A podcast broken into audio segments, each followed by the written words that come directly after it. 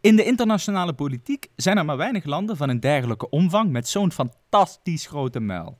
Van oudsher omringd door vijanden en zee, heeft dit landje, gedurende haar korte geschiedenis, toch al veel op het bord gekregen.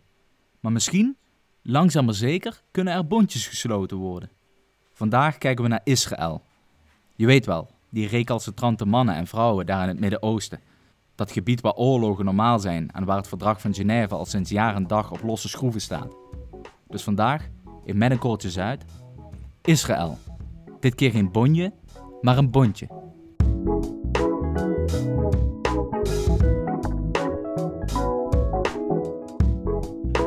Dit is Met een Korreltje Zuid.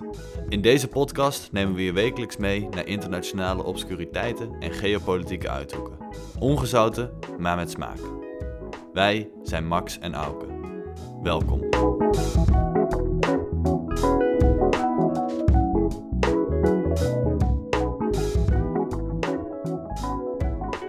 Wij nemen vandaag deze podcast op. Ik heb net een uur of 11 à 12 in de auto gezeten.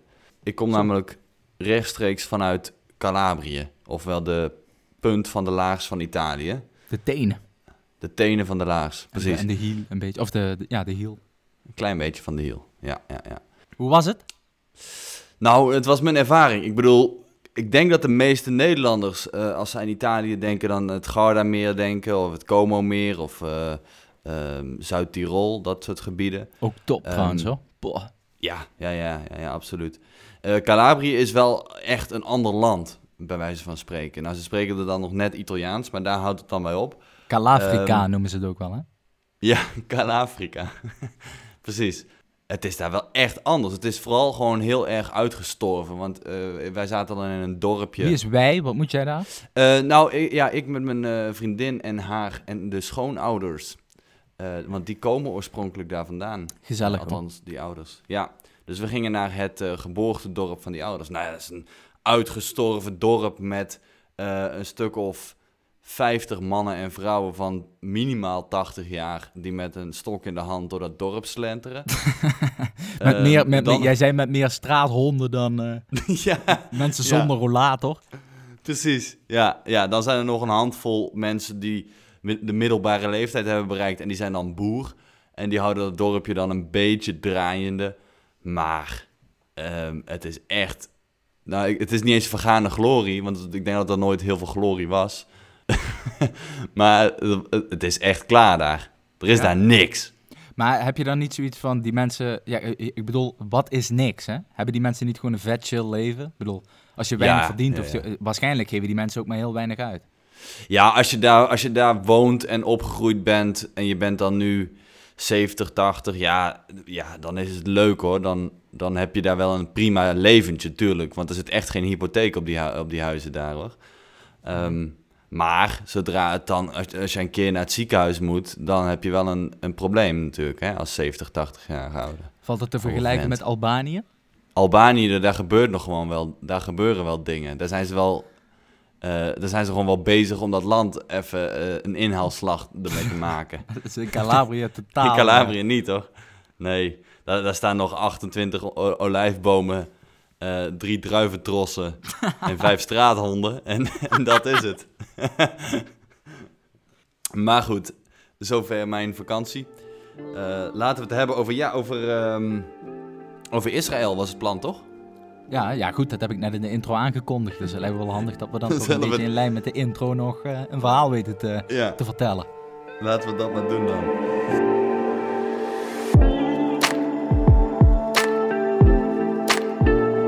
Israeli Prime Minister Benjamin Netanyahu. Mr. Prime Minister, uh, welcome. Uh, you must be uh, feeling pretty good.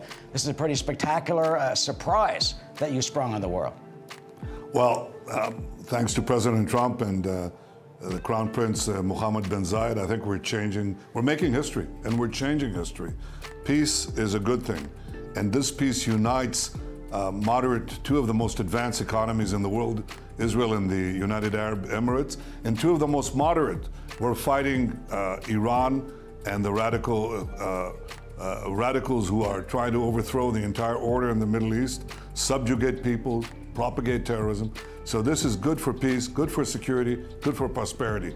Uh, I think it's good for the United States and good for Israel.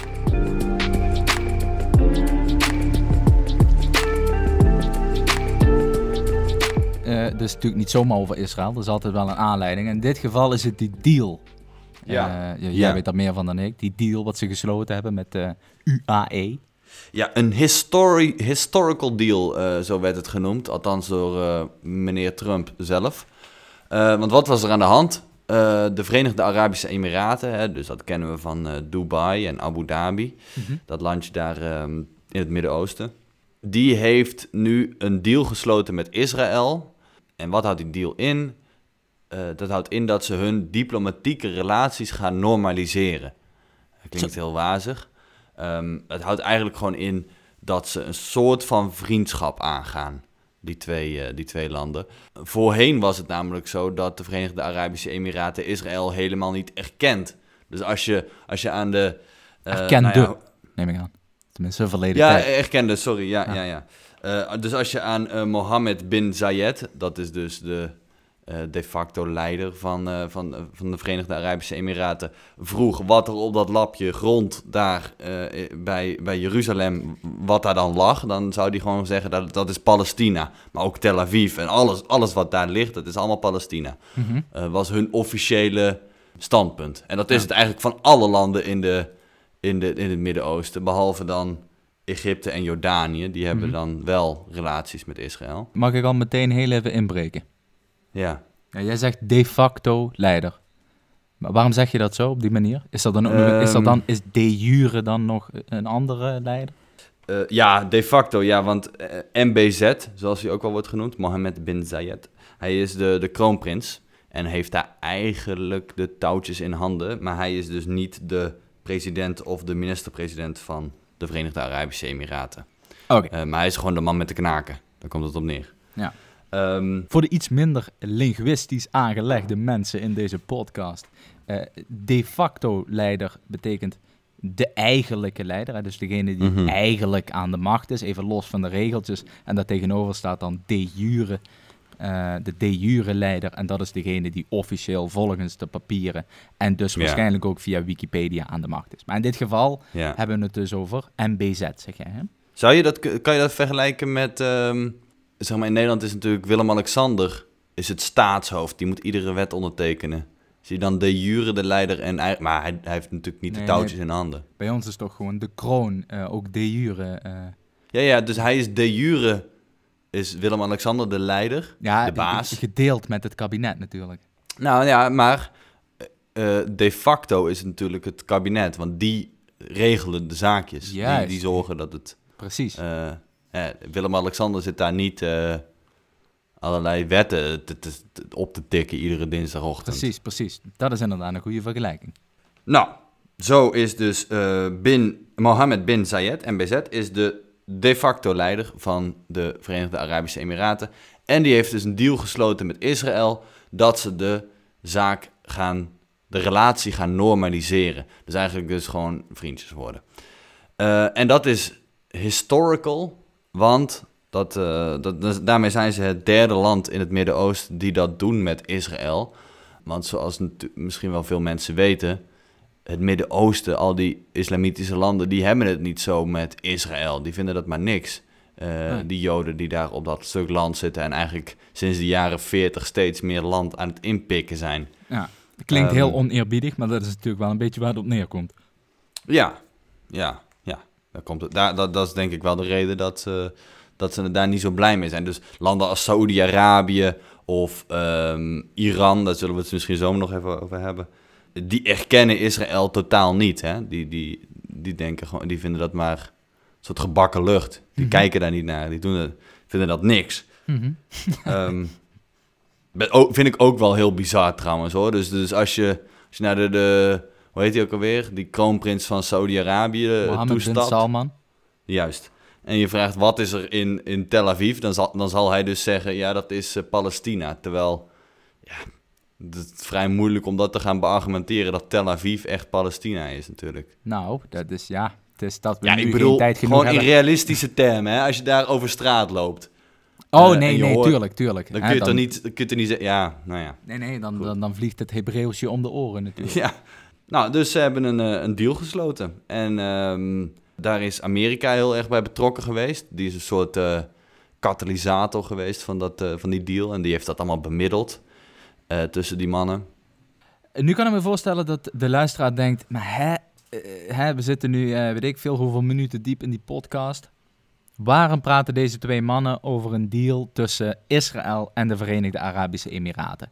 Wat interesseert mij dat? Wat heb ik daaraan? In, welke in welk opzicht is dit uh, belangrijk geopolitiek nieuws? Ja, nou, wel een goede vraag. Ehm, is het wel? Um, want wat is nou het belangrijke hieraan? Ja, wat denk jij, Max? Misschien is dat ook wel een goede. Nou, ik denk dat, maar dan, misschien dat we dan wel al twee stappen verder gaan dan dat ik eigenlijk wilde gaan. Maar goed, ik denk dat uh, de haatrelatie tussen Israël en Iran dusdanige vormen begint aan te nemen dat Israël zich geroepen voelt om Soenitische bondgenoten te sluiten. Mhm. Dus uh, het zij, uh, in dit geval is dat natuurlijk de Verenigde Arabische Emiraten, maar goed, ook, eh, ook Jordanië en Egypte, dat zijn Soenitische landen. Die dus in principe niks te maken zouden hebben met het Shiïtische Iran, het, de, hè, dus de kernmacht Iran. En, eh, ja, zeg Even tussendoor, voor de mensen die dan denken, Soenitisch, Shiïtisch. We hebben uit mijn hoofd in januari, kan februari zijn, hebben wij een podcast gemaakt over uh, ja, de oorlog in Jemen. En daarin leggen we denk ik vrij helder uit wat nou het verschil is tussen Soenieten en Shiiten. Dus luister die ook even terug als je toch even die kennis erbij wil pakken. Juist. Nou, dat gedaan hebbende, uh, moet je er dus vanuit gaan dat, uh, of in ieder geval ik denk dat ik er uh, vanuit moet gaan dat Israël op zoek is naar bondgenoten om een sterker front te vormen tegenover Iran. Iran natuurlijk ook. Hè? Een vervelende jongen, zouden we kunnen zeggen, in dat buurtje, recalcitrant, net zoals Israël. En, uh, maar goed, wat mij dus frappeert, of in ieder geval wat mij dus uh, verbaast, is dat ze dus op zoek gaan naar bondgenoten die misschien wel in beginsel helemaal geen bondgenoten zouden worden van een land als mhm. Israël, omdat het dus in principe een zionistisch uh, en zo mag je het, ik weet niet of je het zo mag noemen, maar eh, laten we zeggen, het is een zionistisch bolwerk. Met andere woorden, die gasten zijn er naartoe gegaan en die hebben dat ingenomen. Ja, nou klopt. Ik denk dat je daar wel de spijker op zijn spreekwoordelijke kop tikt. Um, het, heeft, het is een beetje de uitspraak: de vijand van mijn vijand is mijn vriend. Hè? Juist, dus, dat, ik denk dat ehm, dat het is. Dus, dus voor Israël is de ultieme vijand Iran. En de Verenigde Arabische Emiraten zien ook Iran als hun vijand. Nou, uh, dat betekent niet dat Israël en de Verenigde Arabische Emiraten nou per se zoveel met elkaar van doen hebben. Maar ze hebben dezelfde vijand. En daardoor denken ze er allebei beter af te, te zijn als ze dan maar in hetzelfde clubje gaan zitten. Samen met Amerika, want die zit er natuurlijk ook bij. Mhm. als, als ultieme bondgenoot van Israël. Ja, en zo, zo zie je hoe dat geopolitieke spel toch altijd werkt met een soort van uh, clubjesvorming. Hè?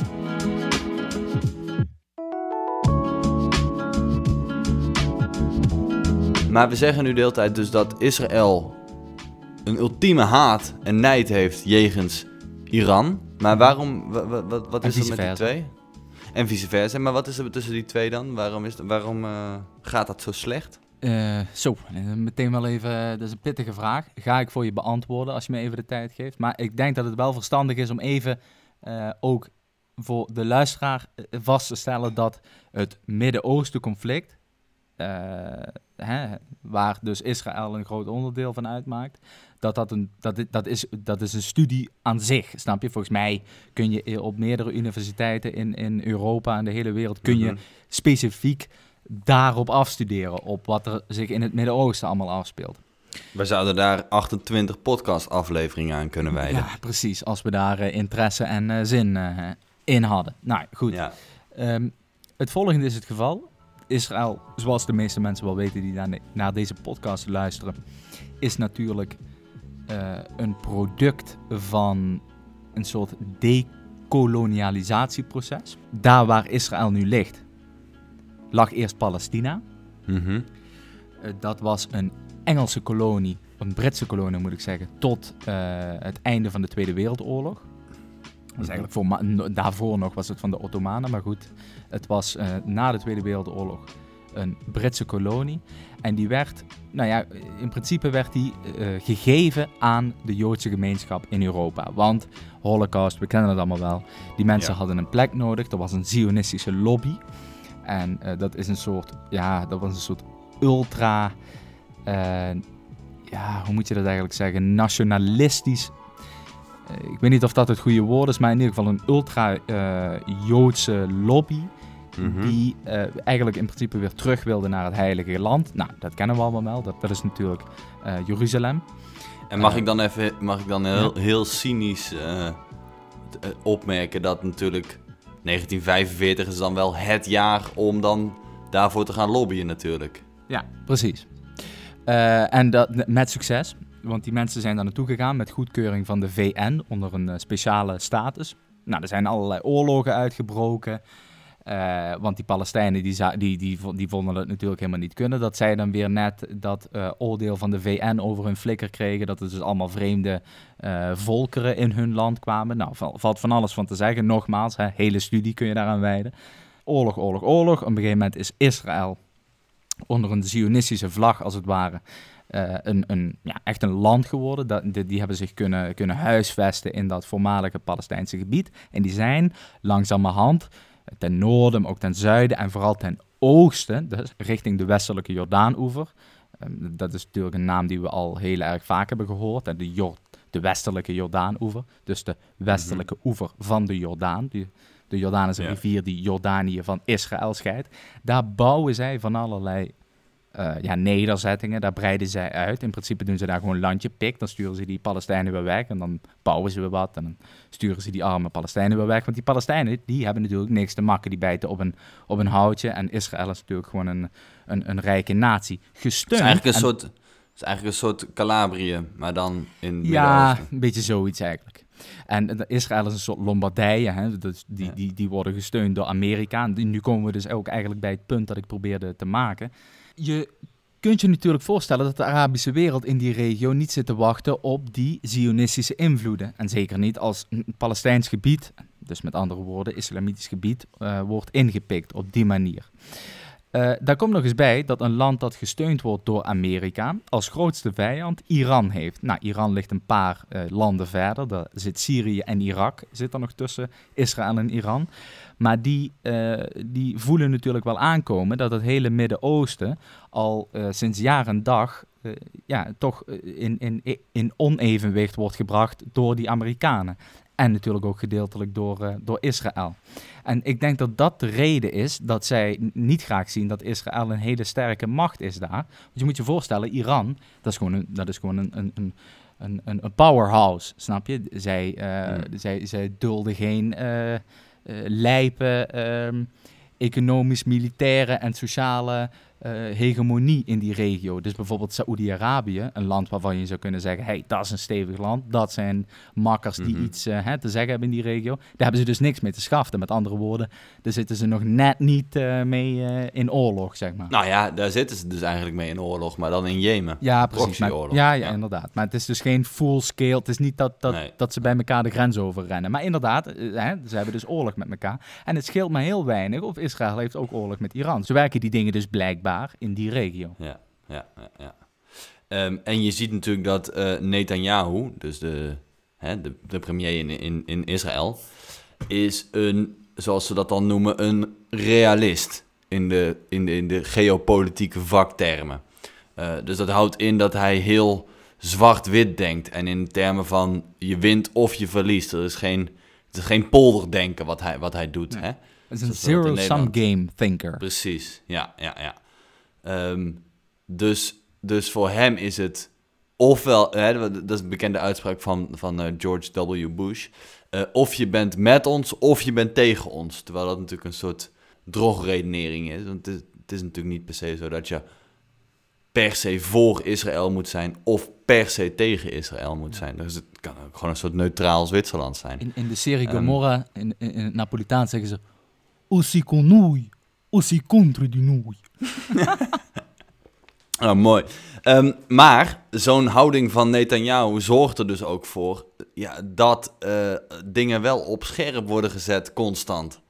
Ja, je moet je constant achter iemand scharen of tegenover iemand scharen. Mm -hmm. uh, hetzelfde geldt voor Iran. Uh, die moeten zich natuurlijk constant tegen Israël scharen, in dit geval. Um, ja, en dat zorgt wel voor een soort explosieve situatie, lijkt Ja. mij. Ik denk dat het ultra gevaarlijk is om aan het hoofd van een staat, in de hoedanigheid zoals de eh Israëlieten dat hebben, namelijk dat de premier ook meteen eh, de minister van Buitenlandse Zaken is, om daar, om daar een politicoloog te hebben. Dus om daar iemand te hebben die eh, kaas heeft gegeten van de internationale betrekkingentheorie. Hm. Hetgeen vaak betekent dat je dus weet inderdaad wat zo'n realistische agenda inhoudt en je daar ook naar gaat verhouden. Nu vind Ja. ik dat niet raar bij deze kwestie van Israël, omdat zij natuurlijk omringd zijn of denken omringd te zijn door eh, bloeddorstige honden die dat, die dat land het liefste de vernietiging inwerken. Waren het niet eh, dat zij zelf natuurlijk ook niet eh, vrij zijn van zondes. Nou, dit valt misschien te vergelijken met een prisoner's dilemma. Dat Ja. zullen misschien de meeste mensen die naar deze podcast luisteren ook wel kennen. Dat is een soort, hè, dat komt vooral uit de economie, dat is later toegepast op de politicologie. Maar dat gaat in beginsel over eh, twee mensen die voor een keuze staan, die niet met elkaar kunnen communiceren. Dus je wordt eh, verdacht van, weet ik veel, een bepaald delict. Je zit in de cel en je weet dat als je je muil houdt, allebei, eh, dat je bij wijze van spreken een jaar naar de cel gaat. Stel, je praat allebei, dan ga je vijf jaar naar de cel. En als je je maten verlinkt, of als je je maat verlinkt in dit geval, dan ga jij weg. Ga jij niet weg, maar dan gaat je maat weg. Voor een x aantal jaren. Hetgeen dus blijkbaar, en dat is uit onderzoek gebleken, eh, vaak uitmondt in totaal niet rationele beslissingen van degene die onderdeel uitmaken van de prisoners dilemma. Want je zou zeggen, hè, rationele beslissing, praat je, Je met elkaar en houden. zeg je, joh, mond houden, hè, doen we Ja. allebei een jaartje. En dan let's get it, dan gaan we weer weg. Maar zo werkt het niet. Meestal eh, kiezen ze voor een individualistische strategie. En het, ik denk dat dat een beetje is wat ook in Israël gebeurt. Zij kunnen Ja. niet communiceren met Iran. Tenminste, ik denk dat dat is wat je Nou, bedoelt, toch? Ja, precies. Ze kunnen natuurlijk eh, hè, in, in, in hele simpele termen natuurlijk wel communiceren met Iran. Maar het probleem is, je weet natuurlijk nooit of ze de waarheid vertellen. En dat, dat is natuurlijk ook met het prisoners dilemma. Eh, jij zegt, ja, ik ga echt mijn mond houden. En je maat zegt, ja, ik ook, ga ik ook echt doen. Ehm, en als je maten bent, dan kun je, dan kun je elkaar op, eh, op je blauwe ogen vertrouwen. Maar als je Israël bent en Iran, eh, dan kan dat niet. Dan, Ja. dan, dan durf je elkaar niet, da- niet te vertrouwen. En moet je misschien toch voor die andere optie kiezen. Dus de Ehm, politieke verhoudingen zijn totaal gebaseerd op wantrouwen. Dat is in principe Ja. wat aan de hand is. Ja. In, in, het, in het geopolitiek realisme wel, ja.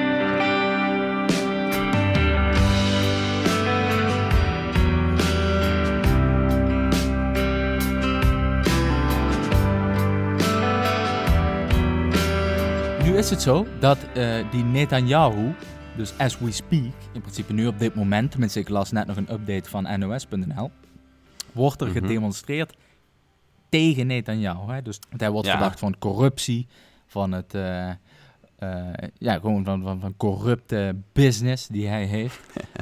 En, en dat is natuurlijk ja, wel iets wat om de zoveel jaar weer een keertje komt opduiken, eh, opduikelen daar in, eh, in Israël. dat is natuurlijk wel iets wat om de zoveel jaar weer komt eh, opspelen daar in Israël. Die man zit sinds 2009 eh, daar in de Ivoren Toren. En Ja. af en toe blijkt toch dat hij niet zuiver op de graad is. Ja, ja, ja, ja.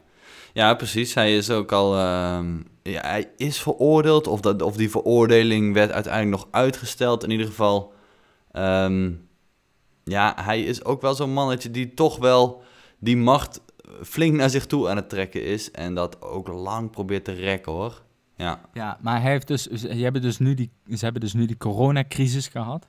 Die hebben zij Mhm. dus in het begin eh, vet goed aangepakt. En toen, dat Ah, zag je ja. net als in Nederland, daar had Rutte die, die crisis heel goed aangepakt. En dan eh, stijgen die mannen natuurlijk in de peiling, want hè, zo gaat het. Eh, mensen die reageren vrij snel op politieke veranderingen in termen van hun politieke smaak. En Mhm. eh, dus nu zie je weer een piek in een soort... Nou, ja, ik weet niet Nou, of Netanyahu heeft, toch, heeft juist heel veel kritiek gekregen, omdat hij eh, het in het begin ja, toch inderdaad heel goed aanpakte. Dat land ging vrij snel helemaal op lockdown, toen ze nog maar tientallen cases hadden. Ehm, maar toen kwamen de verkiezingen eraan en hij stond goed in de peilingen en toen heeft hij alles opengegooid. Want ja, die verkiezingen moesten kosten wat het kost doorgaan. Ja, precies. Maar dat is wat ik nu wilde zeggen. Dus later, Oh, eh, toen eh, de- de- in het eerste begin van, eh, laten we zeggen, de coronacrisis een beetje voorbij was. En inderdaad in Israël de verkiezingen weer voor de deur stonden. En dat alles dus inderdaad open moest.